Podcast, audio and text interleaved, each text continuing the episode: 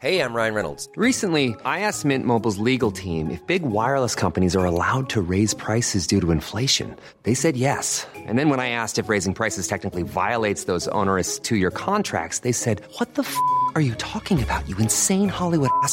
So to recap, we're cutting the price of Mint Unlimited from $30 a month to just $15 a month. Give it a try at mintmobile.com slash switch. $45 upfront for three months plus taxes and fees. Promo for new customers for limited time. Unlimited more than 40 gigabytes per month. Slows. Full terms at mintmobile.com. Mom deserves the best, and there's no better place to shop for Mother's Day than Whole Foods Market. They're your destination for unbeatable savings, from premium gifts to show-stopping flowers and irresistible desserts. Start by saving 33% with Prime on all body care and candles. Then get a 15-stem bunch of tulips for just $9.99 each with Prime. Round out Mom's menu with festive rosé, irresistible berry chantilly cake, and more special treats. Come celebrate Mother's Day at Whole Foods Market. Du lyssnar på en podd från Mediahouse by RF.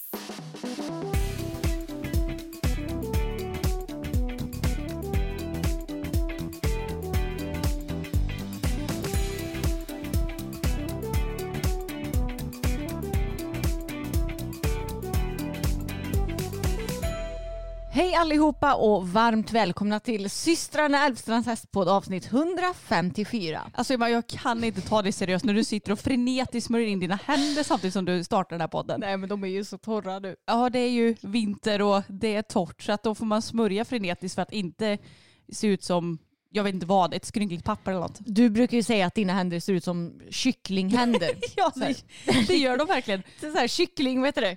Klor? Nej?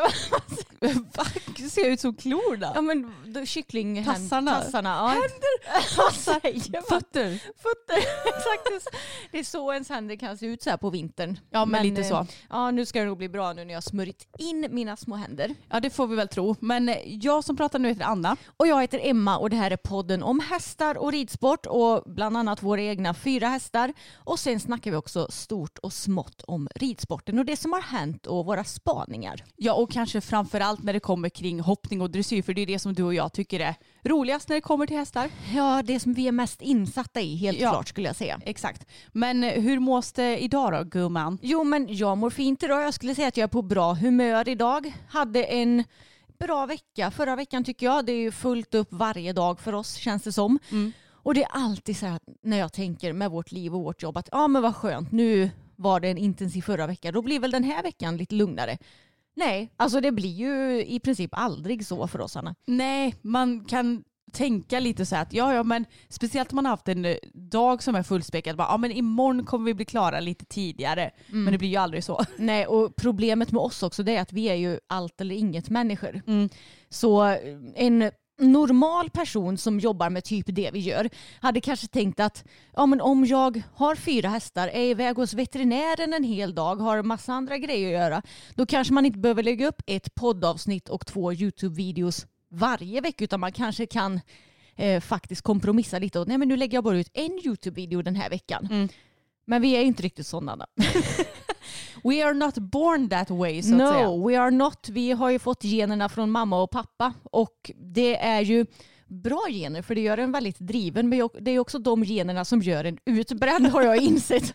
Ja, tack för den mamma och pappa. Ja, tack så mycket. Nej, det är inte deras fel. Nej. Men eh, ja, lite så är det ju så att vi får ju vara noga med att ja, men, dra i handbromsen lite tillsammans när det behövs. Men vi ska ju på spa i helgen. Ja det ska vi. Gud vad skönt det ska bli. Det ska bli jättegött. Vi ska till Vann. Ja, och det är typ ett favoritställe hos oss för att Ja. de har så sjukt god mat, det är bra spa, man kan vinterbada.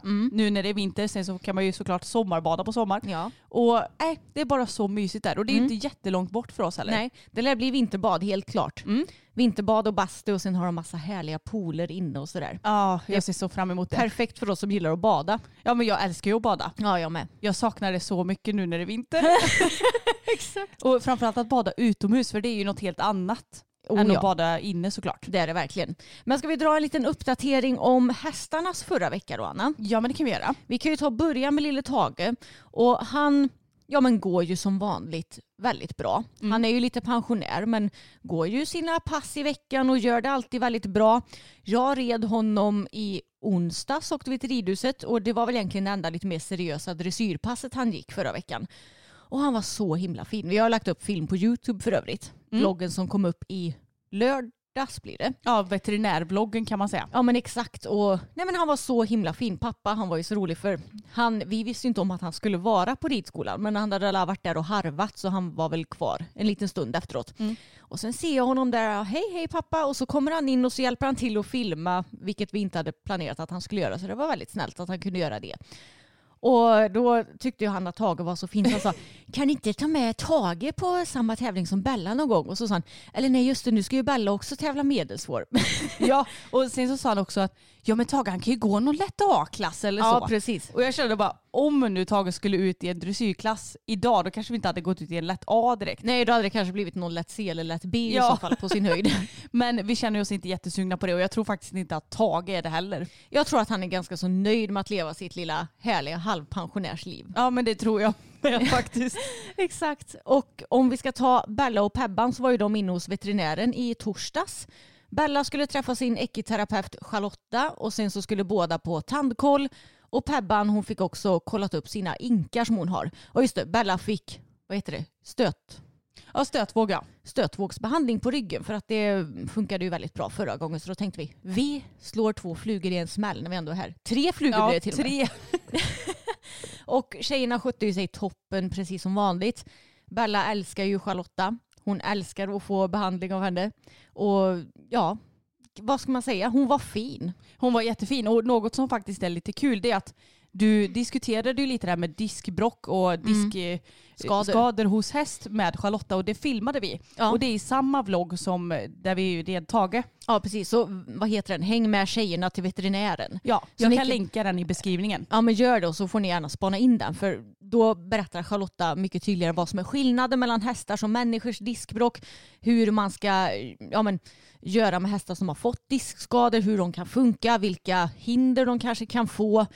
Och det är ju väldigt viktigt att det sprids rätt information om skador istället för att folk ska hitta på det de tror själva. Ja verkligen och det är ju också väldigt intressant för Charlotta sa det att hennes ena häst var nog den första som i alla fall fick konstatera den här skadan.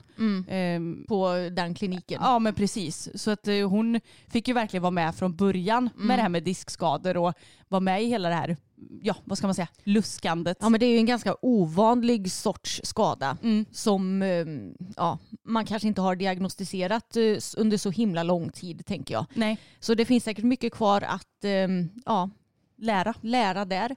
Men jag tror att alla som ser Bella mm, ser nog att hon är inte en häst som har ont utan hon är en tjej som älskar livet. Ja och man kan ju säga att Bella hon är inte en sån häst som hade tutat och kört även om hon hade haft ont utan då hade hon ju bara Eh, nej. ursäkta jag tänker inte göra det för jag har skitont faktiskt. Låt mig säga som så att så var det ju när hon fick sin skada. Ja.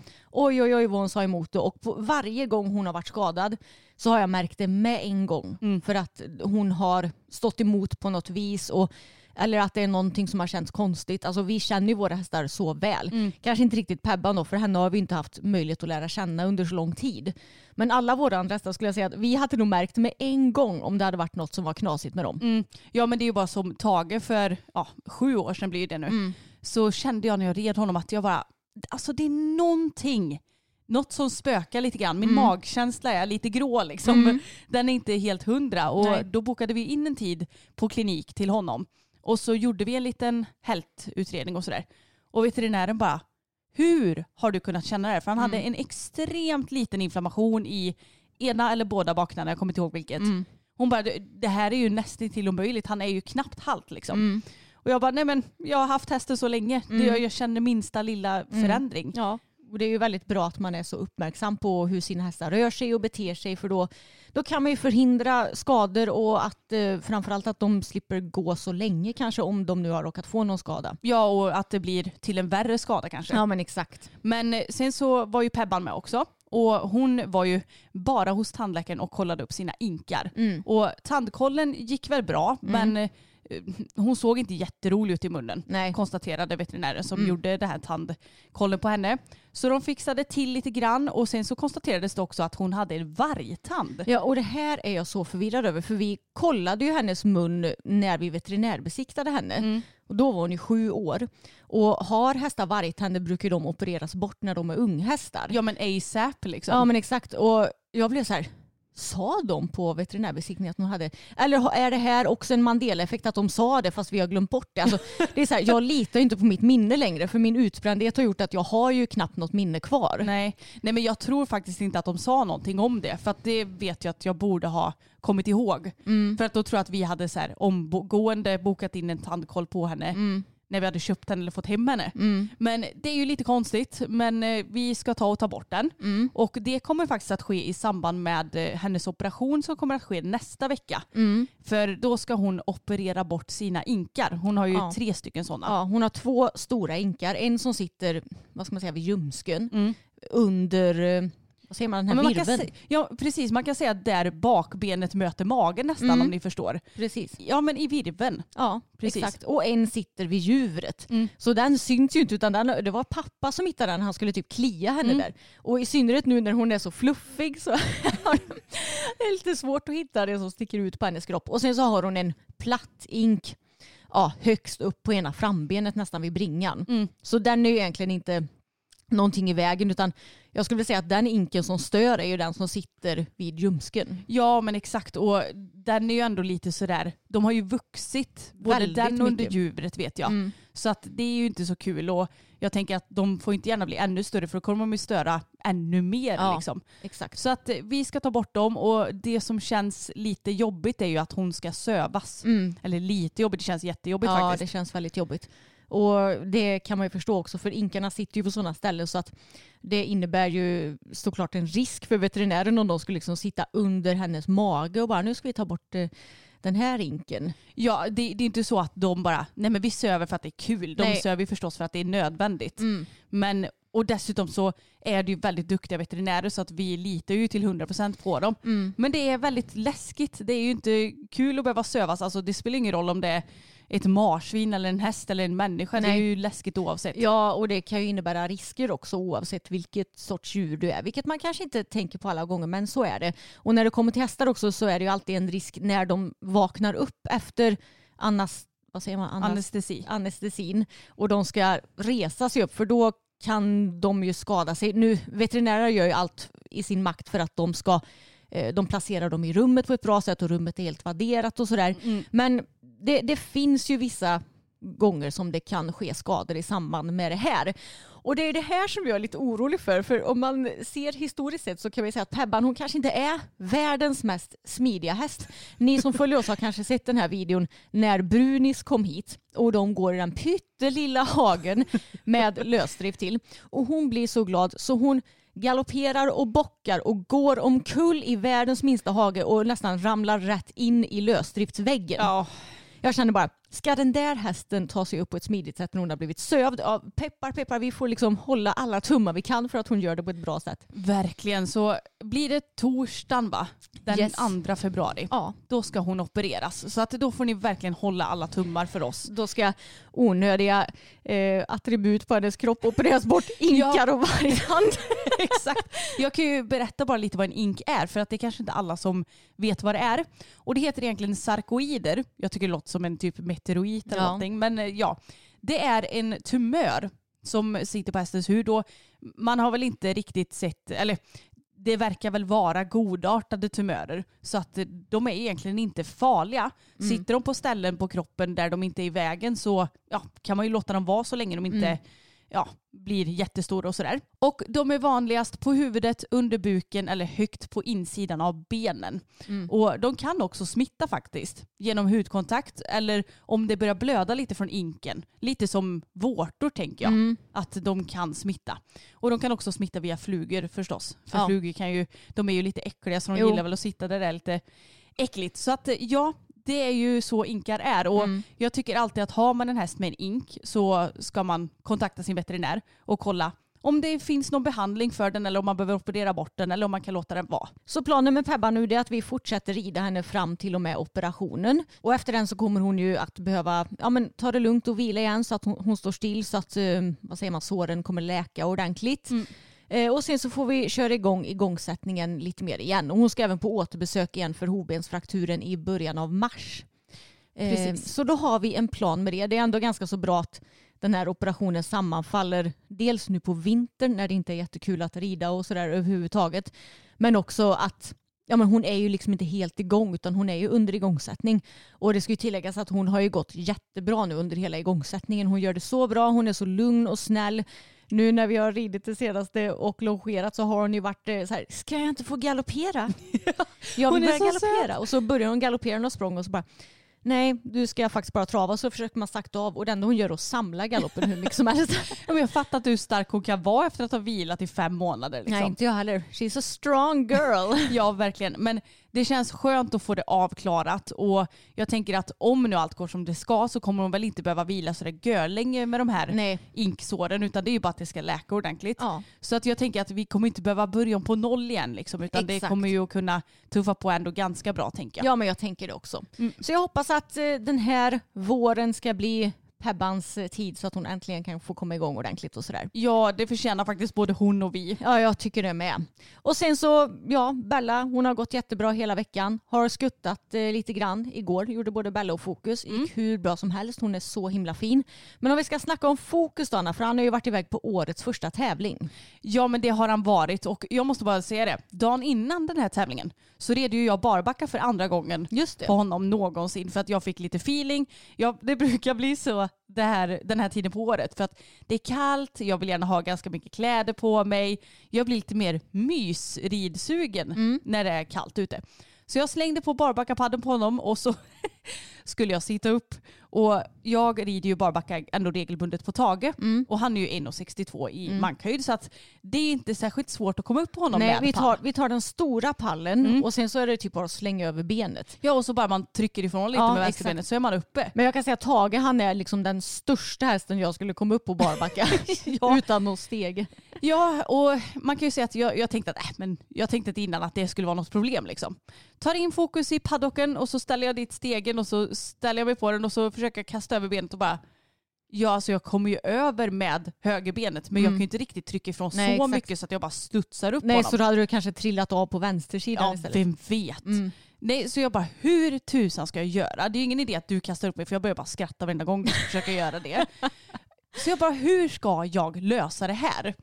Men sen så kom jag på att vi kan ju ta hjälp av staketet lite grann. Så att jag ställde pallen väldigt nära staketet, ställde fokus så nära pallen som möjligt, ställde mig på pallen, slängde över högerbenet och sen så tog jag min vänsterfot som att någon skulle hålla i foten Mm, eller i knät snarare, eller Ja, i- smalbenet. ja men typ i smalbenet och kasta upp mig. Men jag tog stöd på själva översta plankan på staketet. Och så hävde jag mig upp och då var det så kul för att då tog fokus ett litet kliv åt sidan och jag tänkte bara men gud gå inte iväg nu fokus. Men han var ju så smart. Så då tog han ett litet kliv åt sidan så att han kunde spjärna emot Ja. mig. För att det var ju inte jättesmidigt gjort av mig Nej, att men, komma upp. men han var så snäll så och upp kom du. Ja men han var helt underbar. Han bara det är lugnt Matte jag håller emot så kan du kravla dig upp på mig. Mm, och det ska tilläggas att det var ju väldigt halt på staketet också så först hade du, du tänkt ställa dig på staketet med foten.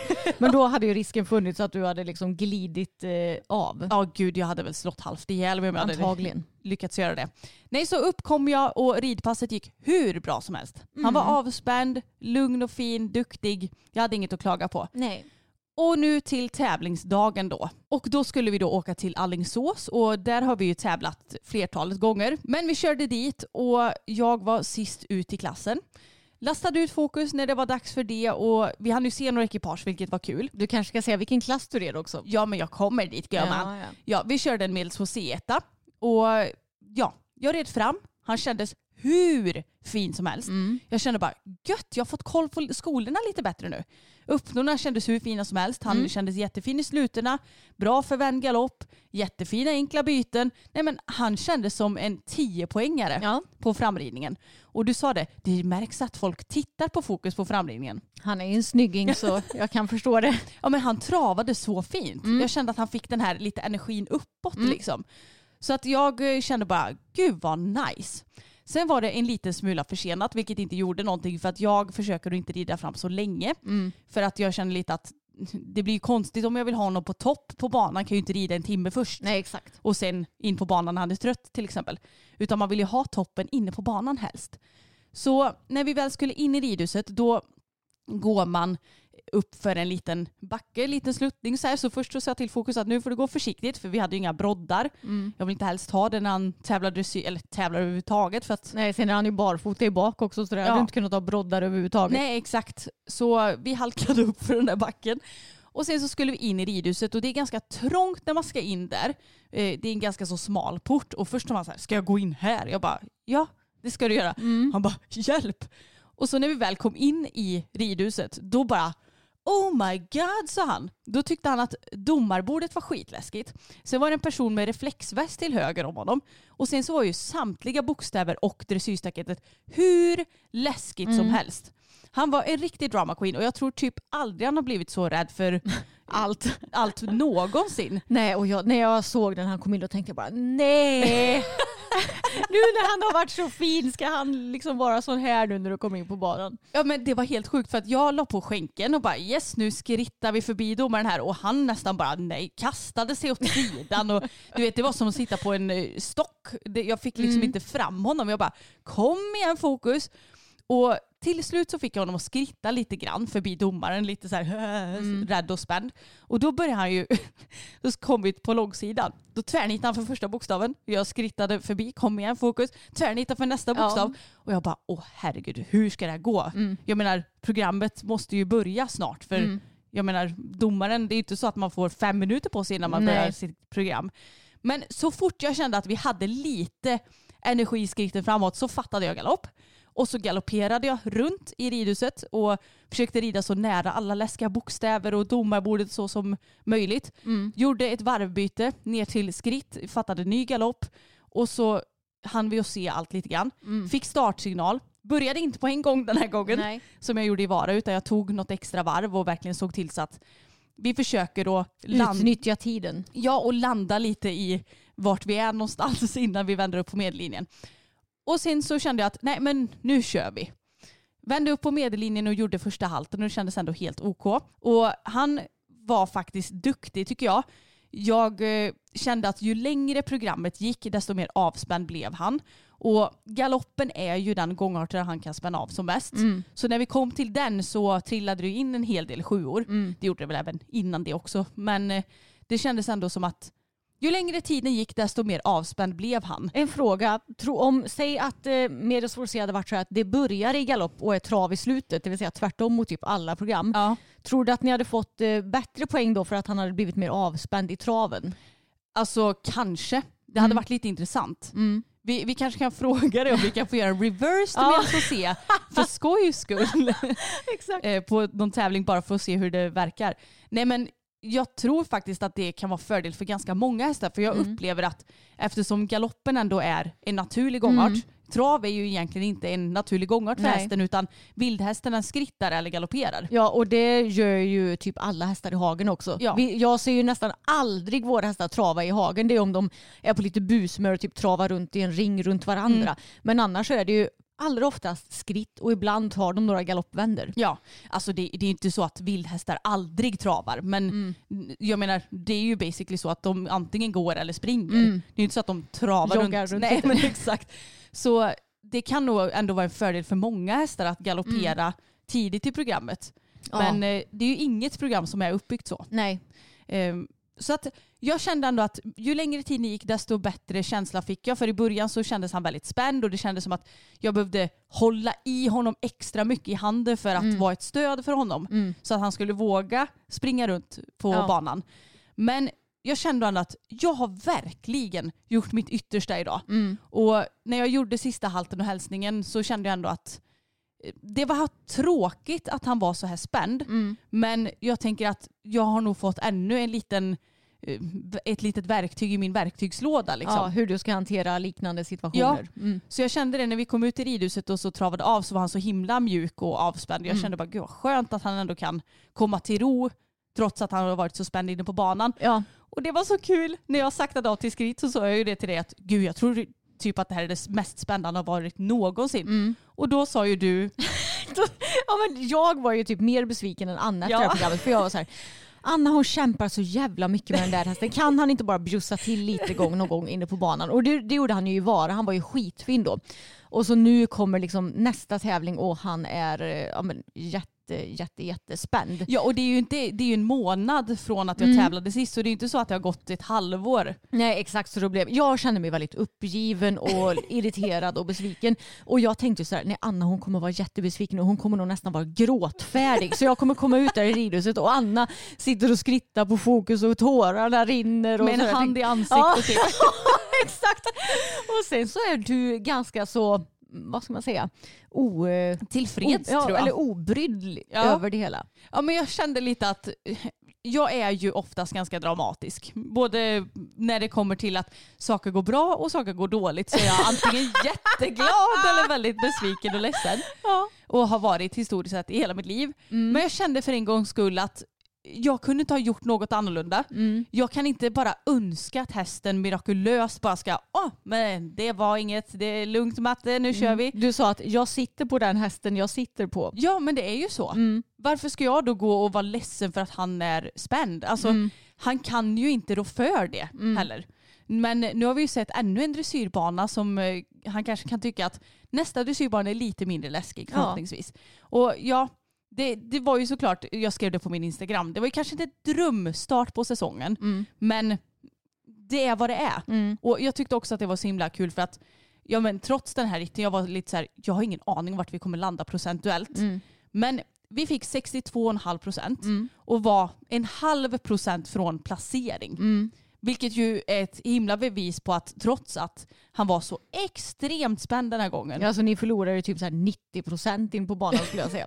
Eh, ja, 80-90 jo, 80-90 procent Anna, det var det. För han var så fin på framridningen och inne på banan så fick du liksom ingenting av honom i princip. nej i alla fall inte i början av programmet. Nej. Nej men vi, vi tappade ju mycket på banan, det gjorde vi ju. Mm. Men trots det så ligger vi nära placering med Mm. det startfält som var den här dagen. Och det känns ju som en himla vinst i sig att ja, men lägsta nivån är så mycket högre nu än vad den varit för något år eller två år sedan. Ja, och f- även för ett år sedan, för jag minns den tävlingen du red i Skövde, det var i mars förra året. Mm.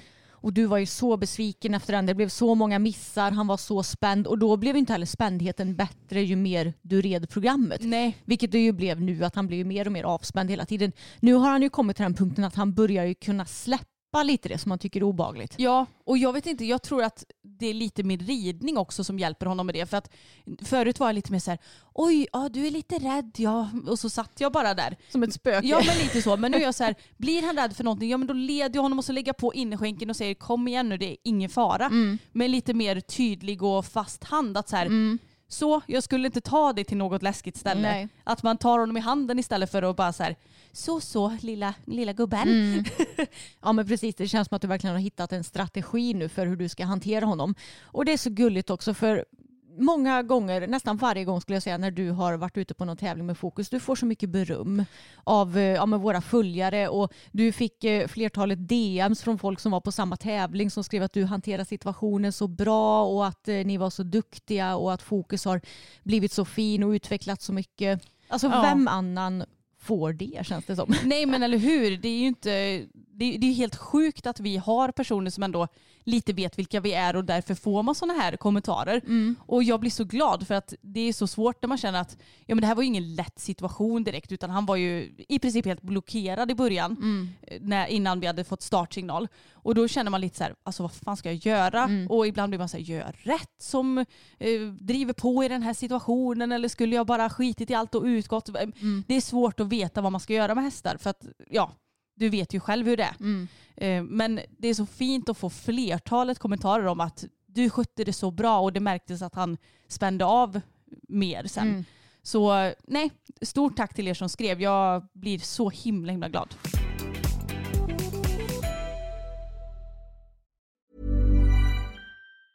If you thought the only way to get a more defined jawline with natural looking results was through surgery, think again. Juvederm Volux XC is a non surgical injectable gel filler that improves moderate to severe loss of jawline definition and can help you achieve natural looking results with little downtime. Even better, this improved definition lasts up to one year with optimal treatment. No maintenance required. Improve jawline definition for a smooth, sculpted look with Juvederm Volux XC. For important safety information and to find a licensed specialist, visit juvederm.com. That's J U V E D E R M.com. Not for people with severe allergic reactions, allergies to lidocaine, or the proteins used in Juvederm. Common side effects include injection site redness, swelling, pain, tenderness, firmness, lumps, bumps, bruising, discoloration, or itching. There's a risk of unintentional injection into a blood vessel, which can cause vision abnormalities, blindness, stroke, temporary scabs, or scarring. Talk to a licensed specialist to find out if it's right for you.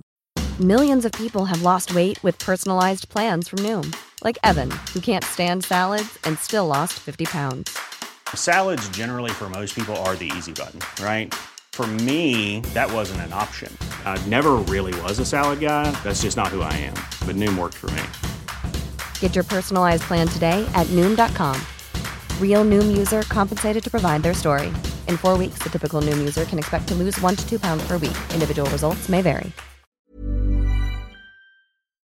Okej Anna, men nog om våra egna hästar och nu är det dags att uppdatera om sporten och lite spaningar. Och jag har skrivit upp en hel del i min telefon till det här avsnittet. Ja men spännande och jag tycker faktiskt att vi ska börja med Jerringpriset för det ligger ju ändå eh, längst bort i tiden tänkte jag säga. Exakt, och ni som har koll på ridsporten vet säkert att Henrik von Eckermann, han vann ju inte Jerringpriset. Han kom tvåa bakom Nils van der Poel. Och vad var det jag sa i förra veckans avsnitt? Ja. Jag sa att jag har en magkänsla att inte han kommer vinna eller Mm. något sånt där. Jag har rätt och jag har insett att jävla vilket så här sjätte sportsinne jag har. För jag har, när jag har tittat på typ så här all sport det senaste så har jag haft en magkänsla om hur det kommer gå och det har varit rätt varje gång. Vadå även när du tittar typ på handbollen och sådär? Ja, Mm. Så har du haft en känsla om att nu kommer de vinna? ja men lite så. Ja. Även om jag har sett någon fotboll och sådär. Så jag, ja, men jag borde ju börja betta men jag vet att jag kan inte göra det för jag är en sån beroendemänniska så då hade jag så här hamnat, eh, blivit skuldsatt om det hade gått dåligt. Och Ja. Hade det gått bra så hade jag bara velat fortsätta ännu mer. Så Och du hade Jag- fått sån hybris också. Men jag får ju i alla fall eh, klappa mig själv på axeln och säga att jag har en rätt så bra magkänsla. Du, du kan ju absolut betta utan att ge dig in i spelvärlden. Du kan eh, bara göra det på en själslig nivå. Ja precis, det kan jag göra. Nej men jag tycker det är så kul det här med Jerringpriset för att Henrik kom ju tvåa bakom Nils van der Poel och det är ju kanske inte jättekonstigt för han vann ju många priser på galan och han vann också Jerringpriset vilket inte alls är konstigt för att han är ju otroligt duktig. Mm, även bragdguldet. Bragdguldet tog han också ja. Och han har väl tagit världsrekord i sin sport va? Ja, i flertalet, i både 5000 och 10 000 meter. Nej, skitsamma. Han Ja. vann ju både 5000 och 10 000 meter på OS i alla fall. Ja men exakt och han åker ju sån här, vad heter det, skridskor Ja. på rundbana. Jag kommer inte ihåg vad det heter på Nej, man säger väl bara skridskor tror Ja det gör man kanske. Mm. Skridskor på rundbana, det är som islandshäst fast med skridskor på is. Vilken bra, vilken bra förklaring Anna. Jag vet, jättebra. Och han vann ju väldigt många priser och ska ju dessutom lägga ner nu. Så att det är ju kanske en bidragande faktor. Ja, det var sista chansen att vinna något eh, pris. Exakt så. Men jag tycker det är så kul för att när till exempel Peder vann Jerringpriset så var det ju ganska många som kommenterade att ah, men det är ju hästen som skulle ha vunnit priset och det blev mycket snackerier på Facebook och att ryttarna då försvarade Peder förstås. Mm. Men nu tycker jag faktiskt att jag skäms lite över ryttarnas sätt att kommentera Nils van der Poel. Ja. För att vi är fan inte bättre själva. Nej, jag, jag, tänkte, jag tänkte säga, hade du förväntat dig det? Nej, egentligen inte. Men jag tycker att eftersom man blir så irriterad på folk som håller på att kommentera att hästen borde ta priset, Peder Mm. borde inte vinna Jerringpriset, la la la la la. Och att man blir irriterad på det, då kan man ju inte gå ner på samma nivå själv nästa år. Om man är en Facebook-kärring kan man göra det.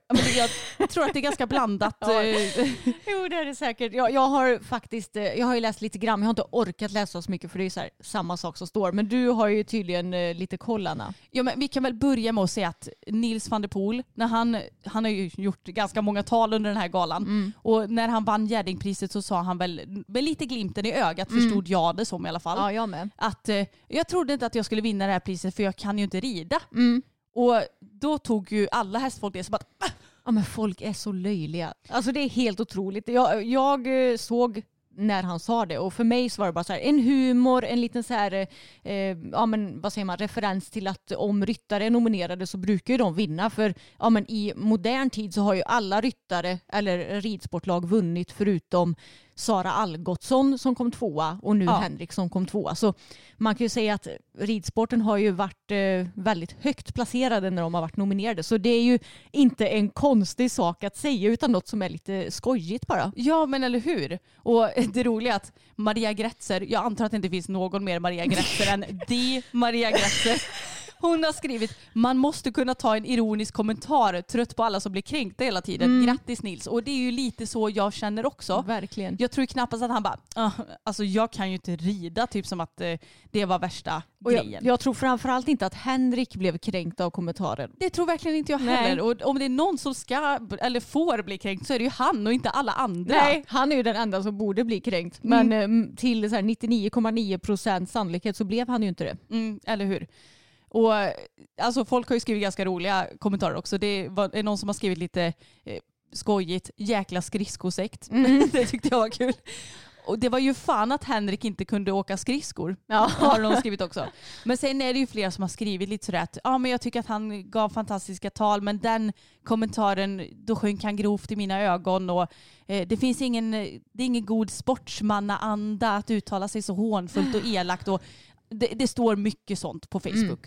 Och jag tycker precis som Maria Gretzer att man måste kunna ta saker eh, inte till sin spets hela tiden. Nej. Utan att det är sagt med glimten i ögat och jag tror nog att alla på den galan håller varandra om axlarna liksom. Exakt. De- Alla, alltså oavsett vilken idrottsgren man sysslar med så vet ju folk om hur mycket tid och energi och allt sånt där det krävs. Exakt. Är du elitidrottare så på den nivån som de är så är det ju enormt arbete som läggs ner hos alla.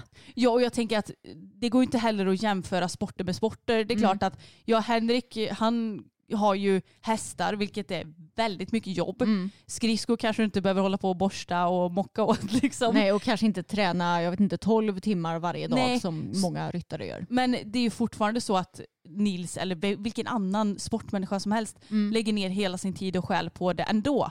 Så det går ju inte att hålla på och jämföra sånt heller tänker jag. Nej, precis. Och eh, någonting som jag kan bli trött på det är folk som kommenterar ja, men att Nils är oödmjuk och att han är för kaxig. Och så känns det som att det är så många gånger oavsett ja, men vilken sorts idrott det är eller om, alltså vad det än är att folk klagar på att eh, ah, han är inte ödmjuk eller hon är inte ödmjuk. Och jag känner så här, ja men snälla någon, om du är bäst i världen på någonting, varför har du en skyldighet att vara ödmjuk då? Ska du låtsas som att du inte vet om att du är bäst? Och Det dess- råkade bli så. Ja, precis. Och dessutom om du är bäst i världen på någonting som Nils till exempel är, du blir inte bäst i världen om du inte är ödmjuk. Om du inte tar åt dig av vad din tränare säger, om du inte vill bli bättre. Det är ju hela definitionen av att vara ödmjuk tänker jag. Ja. Och sen om man då är stolt över det som man har åstadkommit, låt en vara det då och låt en säga lite roliga grejer i media. Det betyder inte att du är oödmjuk utan ah, när jag blir så Nej, jag skulle precis säga det. Vem är det som bestämmer att han är oödmjuk eller inte? Ja. För att det kan han ju med all säkerhet vara. Eller det är han med all säkerhet. Mm. Skulle jag säga. Men det är också så himla typiskt svenskt det här jantelagen att du ska inte Du ska eh, inte vara bäst men du ska inte vara sämst heller helst. Utan du ska vara någonstans där mitt emellan. Ja och du ska framförallt inte prata om att du är bäst. Nej. Nej, jag vet inte, jag, jag är lite trött på, eh, på den biten. Ja men det är faktiskt jag också. Men jag tänker att det är nog inte några tävlingsmänniskor som kommenterar sådana grejer heller. Jag är ju en extrem tävlingsmänniska och jag skulle ju aldrig bli provocerad av att eh, någon skulle framstå som oödmjuk. Till exempel, jag blir ju inte ett dugg provocerad av Zlatan till exempel. Han är ju eh, ja, men, duktig på att, kanske lite ironiskt, berätta hur bra han är och att eh, han är I'm not a human, I'm a lion och allt vad han nu säger. ja. Och, eh, men, sånt provocerar mig inte för fem öre för jag tänker att folk förtjänar det om de är så bra. ja och jag tänker också att det är väl lite sådana grejer som får folk att ha lite personlighet också. Exakt. Jag tänker att många är nog så himla hårt medietränade om vad du får säga och inte får säga. Att Mm. de, det är som att de bara är skal som säger det som de har blivit inlärda att Mm. säga. Hur kul är det då? Exakt. Och jag tyckte faktiskt att det var lite roligt just det här att folk kommenterade att Nils var så oödmjuk. För jag bara, Mm. Oj, kan de faktiskt säga som en man? Mm. För hade, hade Nils hetat Nilsina så, så tror jag att folk hade varit ännu argare på att, absolut. att eh, ja, men om man nu spelar på att man är bäst i världen. Ja liksom. men för tjejer, de, där är det ju ännu värre. Ja. Tjejer får ju absolut inte säga att de är bra eller eh, framstå som oödmjuka på något sätt. Alltså jag tänker bara på vilken skit Johanna Nordström har fått nu efter sin med- medverkan i Talangjuryn. Och jag har sett eh, båda de programmen för jag tycker Johanna är otroligt duktig på allt hon gör. Jag lyssnar på hennes podd. Och jag blir så jävla provocerad av att det främst är män då som ska klanka ner på henne och det hon gör. Och, Vad säger de då? Nej, men hon, gör, hon, hon gör sitt jobb i juryn. Hon säger Ja, men vad, vad säger männen om henne menar jag? ja men det är ju massa eh, skit bara. Okej. Och ja, att hon är negativ och eh, för hård och allt vad det nu är har hon ju fått kritik Jag, jag har hört att hon har varit elak. Jag har inte hunnit se Det programmet. jag har hon göra absolut det. inte Nej. Och det har hon inte. Nej, Nej. verkligen inte. Ah, jag blir trött på, på, på den här typen av kommentarer och Mm. människor.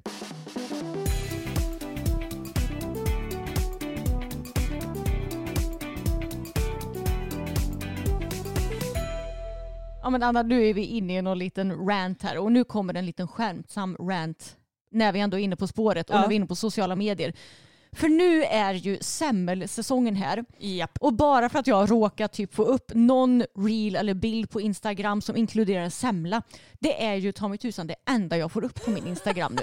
Och du älskar ju semlor Emma. Ja, men det, det, nu kommer en rant om semlor. För enligt mig så är semlor kanske det tråkigaste bakverket som finns. Ja det är i kategorin med prinsesstårta tycker Ja jag. precis. Det är en bulle och bullar är ju gott. Men den här bullen är ju då fylld med mandelmassa som är tråkigt och äckligt och sen grädde som är ännu tråkigare och that's it. Och dessutom, som om inte det vore nog med att smaken är tråkig, så är den ju jävligt opraktisk att äta också. och man kan ju inte äta med en sked för då får man liksom inte riktigt loss bullen. Alltså? Nej, det är typ kniv och gaffel bakverk. Ja men typ. Nej, men jag, fattar, jag fattar inte grejen med semlor. När det finns så många andra bakverk som är så mycket godare och enklare att äta. Ja, men- Det vill säga sånt som innehåller choklad. Ja, men vet du vad som gör mig extra arg? Nej. Detta ser ju så jävla god ut den vet. förbannade bullen. Jag och vet. så är den inte det. Nej, jag vet. Och jag har ändå försökt så här att ja men det kanske är gott med Nutella-fyllning i. Mm. Nej, inte gott. Nej. Vaniljfyllning? Nej, absolut inte gott. Det är Mm. typ värre än mandelmassa nästan Jaså? tycker jag. Ja. Och nej, det är bara inte en grej för dig och mig. Jag har nog inte ätit semla sen vi blev bjudna på det i skolan när det var så här fettisdag. Ja, och det kan jag ju säga att om man ska äta en semla då är ju skolsemlorna det absoluta bottenskrapet du kan äta. Det är ju ja, det är typ som när man bara, nu blir vi bjudna på lussekatter i skolan och så är det inte Mm. ens saffran i. Man bara, Mm. ja, ursäkta en, en S-bulle menar du? Ja precis. och, det, och nu ännu en grej som jag stör mig på när det kommer till semlor. Det är för fan att allt ska smaka semlor, eller förlåt mandelmassa och kardemumma. Då gör det så här semmelkladdkaka, semmel, Semmelsmoothie? semmelsmoothie, alltså så här, eh, vad fan har jag sett mer? Semmelprinsesstårta. Alltså så här, du tar de två tråkigaste bakverken som finns och lägger ihop dem i ett. Nej alltså herregud, jag, jag har starka åsikter när det kommer till eh, ja, mat, Bakverk. Eller bakverk tydligen, trots att jag absolut inte kan baka själv. Men jag har ju ett smaksinne som jag personligen tycker är väldigt bra. Ja men grejen är så här också att skulle någon komma och bjuda mig på en semla, ja Mm. men jag hade ju ätit den. Ja. Men det är inte så att jag med glädje bara, oj nu ska jag gå och köpa mig en semla. Ja, Eller jag- nu jag längtar till fettisdagen. Nej, jag hade inte ätit en semla om det varit mandelmassa i. Hade det varit vaniljfyllning så hade jag kanske kunnat trycka i mig den. Ja. Men det, det är alltså usch. Nej, Jag är mest arg över att de ser så Ja, oerhört jag goda vet. ut och så är de inte De det. ser så fluffiga och goda ut och sen så, nej. Jag, jag, Det är torr bulle också. Det är inte ens en saftig liksom söt bulle. Den smakar ju knappt något. Det är ju bara en sån här kardemumma-bulle typ. men jag kan säga så här, ni som tycker att semlor är det godaste bakverket, jag kommer aldrig förstå mig på er. Jag trodde du skulle säga, jag kan inte bli kompis med er. nej precis. När det finns andra bakverk som är så goda som dina chokladbollar till exempel. Åh herregud, Oj. jag har varit så sugen på dem det senaste. Ja, jag får baka dem någon dag då. Mm. Och Anna, i förra veckans avsnitt så pratade ju vi om min hoppträning för Fredrik Hasselberg. Mm. Och då sa vi att du hade anmält dig till den men att du inte hade kommit med och att du var så lättad över det. ja. Nu visar det sig att det här inte riktigt stämde. Nej men det var ju så det var i min hjärna. Men eh, jag, vi hade lite möte med tävlingssektionen som jag är med i. Och Emily är med i den också och det var hon som hade hand om alla anmälningar till den här träningen för Fredrik då. Och hon bara du Anna, jag lyssnade på poddavsnittet och jag bara, eh, va, vadå? Jag tänkte bara vad jag har sagt nu. Och hon bara, det där med att du anmälde dig till Fredrik, du lät ju så osäker så jag tänkte att hon skriver väl till mig om hon faktiskt vill vara med. Så att jag eh, hade ju inte riktigt anmält mig utan bara man kan säga typ lite halvt. Mm. Men Emily ville ha en bekräftande anmälan på, på skrivet och det förstår jag. Och ja, det var, det var ju ändå en himla lättnad för mig så det var ju ändå ett bra sätt. Så du hade alltså inte anmält dig? Nej. Nej. men det är ju som en annan gång när Ja. jag eh, skulle tävla boppen i, på hemmaklubben. Jag var helt övertygad om att jag hade anmält mig för länge, länge sedan och så kom startlistan upp och jag bara, vart är jag och boppen? Så fick jag skicka till, eller då fick jag ju efteranmäla mig, det var ju inte mer än så, men jag bara, jag kände mig typ lite snopen över mitt minne. Jag bara, men gud jag trodde verkligen jag hade anmält mig.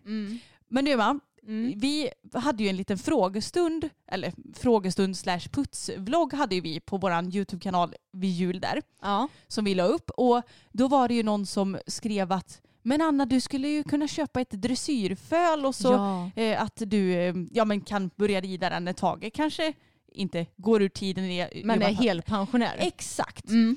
Och jag bara åh, där såddes ett litet frö hos Mm. mig. Så jag har ju faktiskt suttit och kollat lite på dressyrföl nu den Mm. senaste tiden. Och jag har ju hittat en riktig dröm. Drömfölet med drömstammen. Ja men jag tycker ju att, dels så tycker jag att Lina Dolks eh, Hatti är så fruktansvärt fin. Så fin. Och den är ju efter Ampere. Mm. Så Ampere-hästar har jag haft ett litet öga på. Och sen så tycker jag att hingsten Springbank Ja. är så oerhört fin. Mm. Nej men vad hittar jag då? Jo men ett föl efter Springbank Ampere. Ja, Och jag bara, nej, men, jag bara, jag måste ha det här fölet, jag måste ha det här fölet. Mm. Och sen så när det hade gått någon vecka, jag bara, jag vet inte om jag orkar det just nu. Nej. För grejen är så här, Tage han rids ju fortfarande ändå ganska så frekvent och jag vill inte bara säga tack och hej till honom liksom, Mm. än så länge utan han tycker det är mysigt att ridas ut på och det märks ju att han tycker det är kul att träna när vi väl rider lite dressyr och hoppning Mm. och sådär. Och jag känner att med ett föl, ja men då är ju den typ ett ganska så snart. Ja. Då ska man börja och greja lite med den och man kanske vill komma iväg och löshoppa lite ibland. Mm. Och det är ju ändå, även om man kanske inte arbetar med den sju dagar i veckan förstås, så är det ju ändå det är ett ansvar. Mm. Det är en till liten mage att mätta. Mm. Det är en till häst som ska ha någon plats att vara med och den kanske behöver något sommarbete, något Mm. fölbete eller unghästbete liksom. Och dessutom så ska man aktivera den åtminstone någon gång då och då. Mm. Och jag kände bara att det ansvaret extra, det känner jag inte för just nu. Nej, och i synnerhet inte eftersom det som vi sa tidigare, vi har ju svårt för att göra någonting halvdant. Så jag menar, vi hade ju säkert velat ja, men börja mentalträna den här hästen och ändå göra den lite redo på livet som vuxen. Ja men kanske åka ut till lite olika ridhus och ridbanor Mm. bara och gå dit och skritta lite Ja, för hand och exakt. sen åka hem. Alltså, Mm. Det är ju så jag tänker att ska jag köpa mitt föl så är det ju Mm. så jag vill göra. Ja, Och just nu så känner jag att jag inte riktigt orkar det. nej. Men vem vet, när maj månad kommer så kanske det suget. Och vi måste ju säga vad pappa sa också när du, vi berättade om det här fölet. För Ja. det, det var ju också bra pris på det här fölet tycker jag med tanke på stammen. Ja men det, det tycker faktiskt jag också. Mm. Och det roliga var att jag skickade det till mamma på skämt för jag fyller ju 30 i mars. Mm. Då skickade jag, det här blir väl en bra 30-årspresent och sen en liten så här Blink. fluff-smiley. Det är ju såklart inte seriöst. Mm. Och så skrev jag till mamma, du får visa pappa den också. Mm. Och då så skrev hon tillbaka, Hans säger att det är billigare att betäcka pebbles. Och ja, men det hade ju varit så jäkla surt så här att, att betäcka henne nu. Mm. Så får hon så här precis komma igång för att sen vila igen för att hon ska bli morsa. Exakt. Jag sa det så här i efterhand. Om vi hade vetat hur lång tid den här skadan hade tagit att läka ut och allt med vad det nu är. Då hade det ju varit värt att ta föl på henne den här Ja, gången. Fast kanske inte. För jag menar, hon blev skadad i början av juli. Då hade vi haft tur så Mm. kanske hon hade kunnat bli betäckt då i juli. Men då hade inte fölet kommit förrän i juni. Så alltså då hade hon ju ändå inte varit igång förrän om typ ett halvår nu ändå. Det har du faktiskt väldigt rätt i. Mm, under förutsättning då att eh, allting kommer gå bra nu i igångsättningen. Men Ja. ja, jag, jag tänker som så att eh, tjejerna de får allt vänta lite grann med att bli mammor. Ja, och jag tänker att vi har ju inte bråttom heller för att jag menar They are young and fresh de girls. är ju det och man behöver väl inte ta första följden förrän de är, alltså det är klart ju tidigare ju bättre. Jo, Men det är väl typ så här 16, 17 mm, det är väl eller? många som inte tar föl på sina ston förrän de är typ så här 16, 17, 18 Ja. och sånt där. Så jag men- menar det är ju ganska många år kvar så vi behöver inte känna oss så stressade. Nej, exakt. Men summa summarum, även fast jag hittat ett riktigt litet drömföl så Mm. blir det inget föl just nu. Utan Nej. det, det får nog bli något år eller två i- framåt i tiden känner jag. Ja, men det är lite synd nu när vi hittar den här perfekta stammen. Ja jag vet men jag tänker också att det kommer komma väldigt många fina föl framöver också. Ja, så men det- man får nog inte bara ta första bästa ändå. Nej, men det var ju en väldigt bra idé från den här personen som kommenterade det. Du Anna, har du hört om den här ryttaren som har blivit avstängd från eh, ett ridsportförbund? Nej, det har jag missat. Säger namnet Paul Esterman dig något? Ja lite. Han är schweizisk ryttare, har ju ridit en hel del mästerskap och sådär. Han var med i, nu ska vi se, ja, det står, jag tror han var med i EM för ett par år sedan och han är ju från Schweiz och det som jag har sett när han rider på banan, alltså han rider ju snyggt. Mm. Men nu är då han i blåsväder För han rider för snyggt. Nej, för att han är elak mot hästarna. Ja, skräll. Mm, vilken skräll va? Nej, jag tänker att jag läser ur tidningen Ridsports artikel som heter Ridsportförbund stänger av landslagsryttare efter djurplågeridom. Och jag tänker att jag läser upp hela artikeln för den är inte jättelång. Det schweiziska ridsportförbundet har vidtagit åtgärder för att stänga av en tidigare landslagsryttare som fällts för djurplågeri. Ryttaren som varit med och tagit en Nations Cup-seger för Schweiz i Falsterbo ska bland annat ha piskat sin topphäst blodig. Det schweiziska ridsportförbundet har begärt att Schweiz tidigare lagryttare i hoppning Paul Esterman ska stängas av efter att han befunnits skyldig till anklagelser om djurplågeri. Fallet går hela vägen tillbaka till 2019 då motsvarande tingsrätten i schweiziska Willisau fällde Esterman för djurplågeri. Han överklagade då till nästa instans i Luzern och därefter till Schweiz högsta domstol. Den senare gav Esterman delvis rätt och fallet återgick till motsvarande hovrätten i Luzern. I december fälldes ett sista avgörande där Paul Esterman befanns skyldig till anklagelserna om djurplågeri. Och det är då anledning av den här domen som det schweiziska ridsportförbundet har ansökt om avstängning via förbundets sanktionsnämnd. Ett beslut väntas inom några veckor och sanktionen kan därefter sannolikt träda i kraft under våren efter en utfrågning i fallet. Och Paul Esterman har, han har blivit utsedd till årets ryttare i Schweiz och gjort bra resultat i Nations Cup i exempelvis Falsterbo där schweiziska laget vann 2016 och han anklagades redan i början av 2017 för att ha piskat topphästen Castlefield Eclipse blodig. Och det är tack vare hans groom Sednek Dusek som har vittnat om händelsen och delat med sig av foton som det då ledde till att polisen startade en utredning om misstänkt djurplågeri. Så då får man alltså se hur länge han kommer bli avstängd och sådana grejer eller?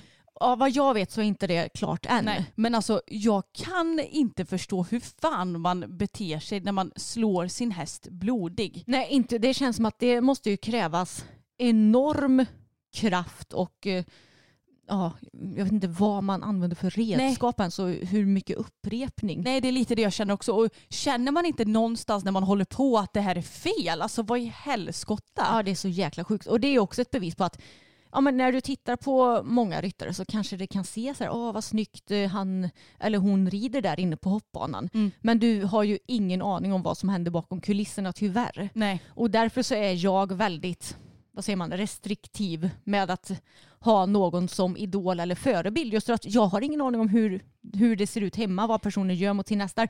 Det jag kan se är att ja, men han eller hon rider snyggt på banan. Och sen behöver man inte, ja, vad säger man, hylla någon mer för det. För att jag vet ju inte vad de gör. Nej men exakt, man kan inspireras av hur det ser ut på banan för att det är det vi vet om. Ja men exakt. Ja men eh, då har vi koll på det i alla fall. Jag ska se till att hålla mig uppdaterad i det här fallet och åh, det, det är för jävligt att sånt här sker men tyvärr så blir man ju faktiskt inte minsta förvånad när sådana här nyheter släpps. Nej, och det är ju skittråkigt att behöva känna så men Mm. Det är ju precis som du säger, man blir inte förvånad. Nej, exakt. Och det är ju jättebra av den här groomen att han vågade anmäla och gjorde det som krävdes. Sen så har jag läst på Facebook-kommentarer att tydligen så var det Esterman som anmälde groomen först för att han ska ha stulit pengar av honom.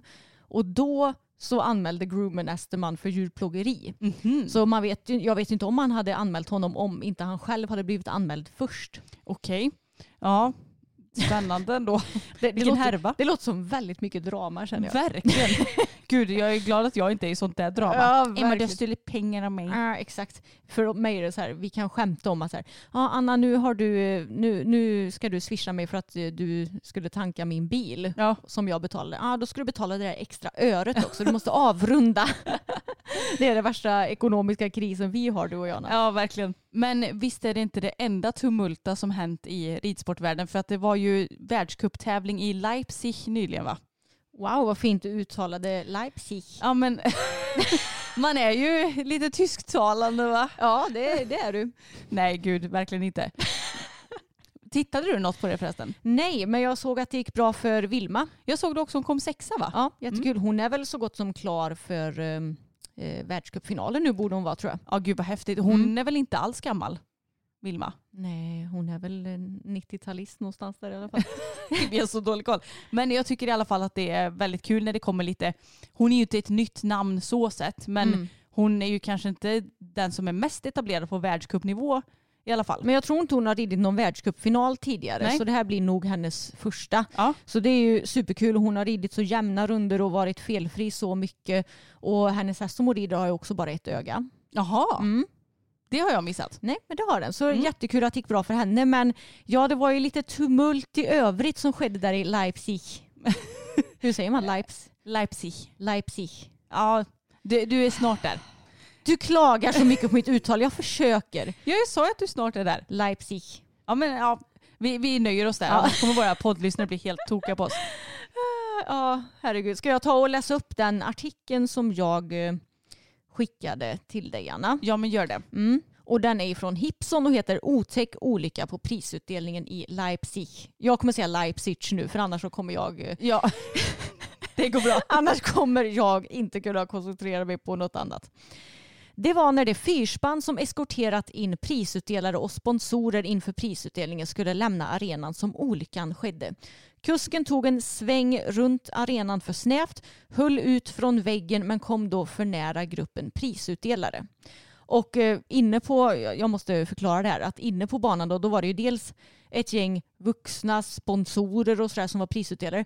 Men sen så var det också Fem barn. fem barn, precis, som var inne under prisutdelningen också. Utan hjälm och står där tillsammans med de vuxna. Det står nog inte i artikeln varför de barnen var där. Eller Nej, men- vad de skulle göra på prisutdelningen. Nej, men visst är det ett gäng på så här 10-12 personer som står på rad liksom? Ja, det är ganska så många. Mm. Och vet inte hur gamla barnen är. De ser ut att vara max mm, tio år kanske. Mm. Baserat på de här utzoomade bilderna. De vuxna, sponsorer, Leipzigs tävlingsledare och andra kunde hoppa undan. Liksom fyra av de fem små flickor som skulle assistera vid prisutdelningen. Deras ledsagare försökte förgäves dra undan allihopa men i tumultet faller en av flickorna ner på underlaget. Lakejerna på vagnen försöker böja sig ner för att få undan henne men hjulet kör över henne. Tack och lov träffade hjulet inte hennes huvud men det var inte många centimeter ifrån. Enligt besked från pressavdelningen har flickan klarat sig bra efter omständigheterna. Hon blev chockad av upplevelsen men har inte brutit något utan hjulet kommer förmodligen att bara ge henne blåmärken. Ja herregud och ja det finns ju lite bilder här och det går ju att se på SVTs eh, sändning från den här världscupen. Och man ser att hon ligger ju verkligen typ så här precis under vagnen Mm. på de här bilderna.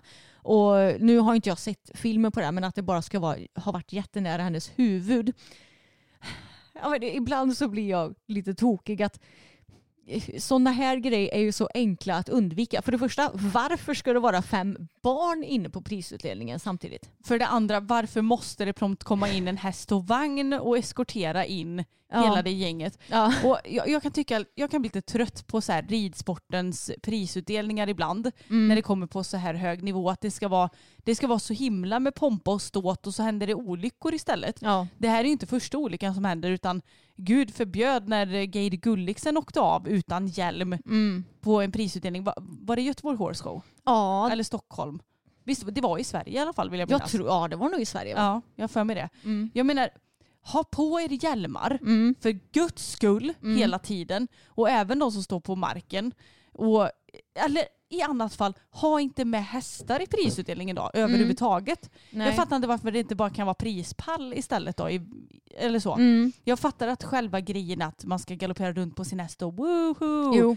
Men det är ju så himla onödigt om det sker olyckor tycker jag. Ja, precis. Och, nej, ja, det är roligt också för på de flesta ridskolor till exempel så ska ju barnen ha på sig hjälmar när de hanterar hästarna och det är så här noggrant med säkerheten. Men visst, in med ett gäng barn på en prisutdelning och en häst och vagn där det redan är trångt. Det är Mm. som att det är som bådat för att det ska ske olyckor och alla vet ju att hästar blir ju lätt stressade när det är mycket ljud och människor och sådär.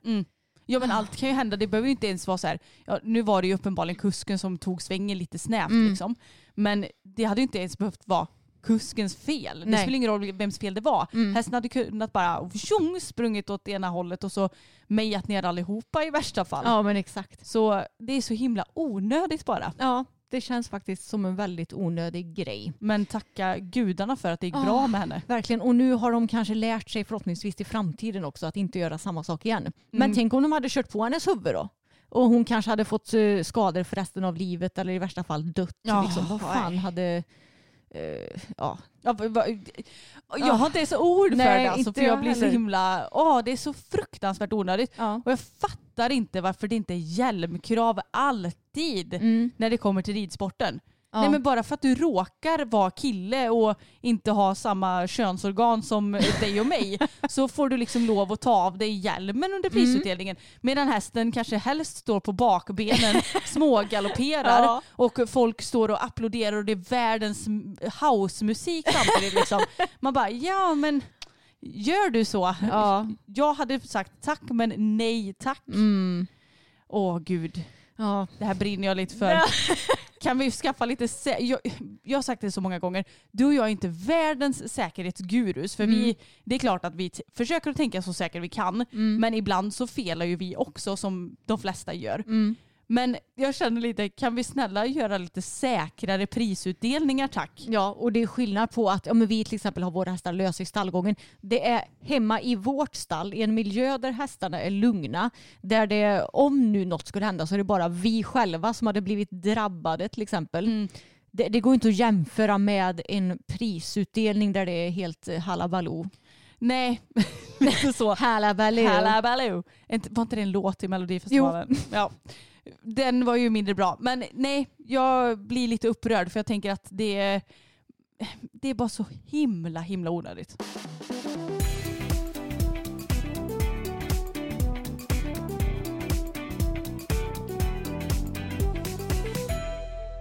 Ah, ja herregud, jag och Anna har så roligt nu för jag har fått tips om att prata om en grej i podden och det är en ny hjälm som Free Jump har släppt tror jag. Mm. Och då sa Anna, lossnar huvuddelen när man trillar av eller? Nej Anna det är det den inte gör för Free Jump stigbyglar lossar ju inte när Nej, man trillar av. Så sant. det är klart den sitter väl som berget.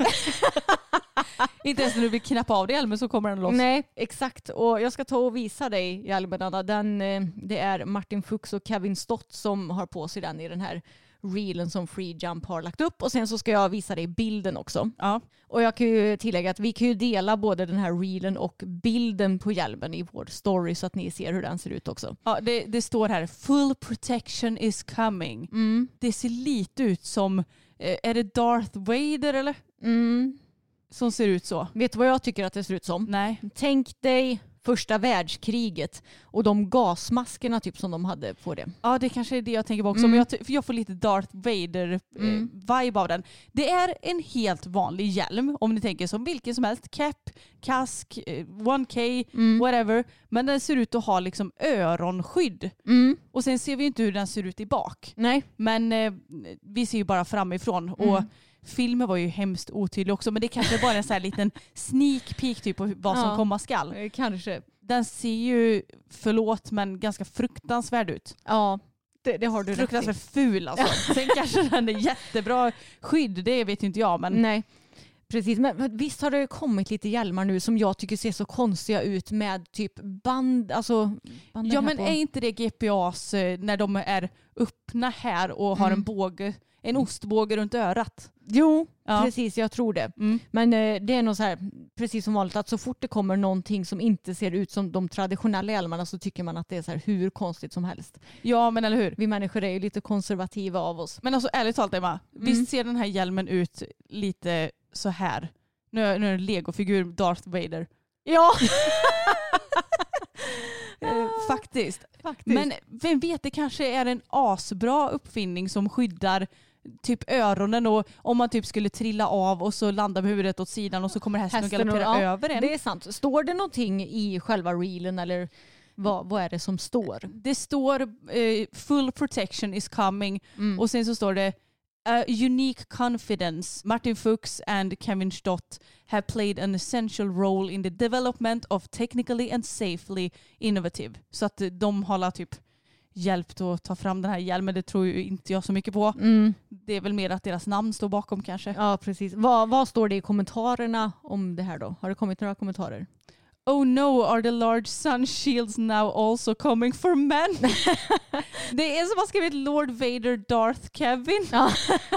Och sen så står det på franska. Är det bara jag som tyckte det var fult fick jag upp som översättning. Mm. Nej men eh, ja, alltså det står inte så mycket ärligt talat. Nej. Och jag antar att det beror på att det här var en liten sneak peek och mer Antagligen. information kommer. Men, men det verkar ju som om den kommer skydda mer själva örondelen och sidan på huvudet. Ja, Vilket ju såklart är positivt. det är det ju. Och du och jag, vi är ju lite sen när det kommer nya grejer så kan vi först bara och sen bara, ah, okej det var ändå helt okej. Typ tretornstövlarna. Fy. GPA-hjälmen hade jag också jättesvårt för när den Ja. kom. Det finns säkert fler, ja men de här, eh, vad heter det, skapaschabraken Mm. var också så här bara herregud vad Ja. fula och sen bara åh skitsnygga vi vill ha i alla jag färger. Ja, exakt. Ja, så att vi är ju sådana som behöver lite tid att vänja oss. Men jag tycker ju oavsett vad, även om jag tyckte att den här såg lite lustig ut, så tycker jag det är kul med innovativa idéer Mm. och att eh, man försöker utveckla ridsporten till det säkrare. Ja men verkligen. Och då kanske man kan ha den här på prisutdelningar. Så att det går lite... Vi behåller den på. Ja men verkligen. Alltså, åh. Man ska inte ta av hjälmen när man sitter på häst. Man ska inte Nej. ha hjälmlöst till häst. Nej, verkligen. Nej men nu är det slutrantat för den här gången hörni. Vi ska ta och avrunda för idag. Tack Mm. för att ni har lyssnat. Ja, och glöm inte bort att prenumerera på podden om ni gillar det vi gör. Och såklart även vår YouTube-kanal som heter Systrarna Älvstrand. Och där lägger vi upp ja, filmer kring allt känns det som. Bland annat din tävling då som ni får se. Fokusrunda som ni lyckades genomföra trots att han var så spänd. Just det, och den filmen kommer imorgon. Det gör den. Men ha det världsbäst hörni så hörs vi igen om en vecka. Det gör vi. Hej då! Planning for your next trip? Elevate your travel style with Quince. Quince has all the jet setting essentials you'll want for your next getaway, like European linen, premium luggage options, buttery soft Italian leather bags, and so much more. And is all priced at 50 to 80% less than similar brands. Plus, Quince only works with factories that use safe and ethical manufacturing practices. Pack your bags with high-quality essentials you'll be wearing for vacations to come with Quince. Go to quince.com slash pack for free shipping and 365-day returns. Normally, being a little extra can be a bit much, but when it comes to healthcare, it pays to be extra. And United Healthcare makes it easy with Health Protector Guard fixed indemnity insurance plans. Underwritten by Golden Rule Insurance Company, they supplement your primary plan, helping you manage out of pocket costs without the usual requirements and restrictions like deductibles and enrollment periods. So when it comes to covering your medical bills, you can feel good about being a little extra. Visit uh1.com to find the Health Protector Guard plan for you.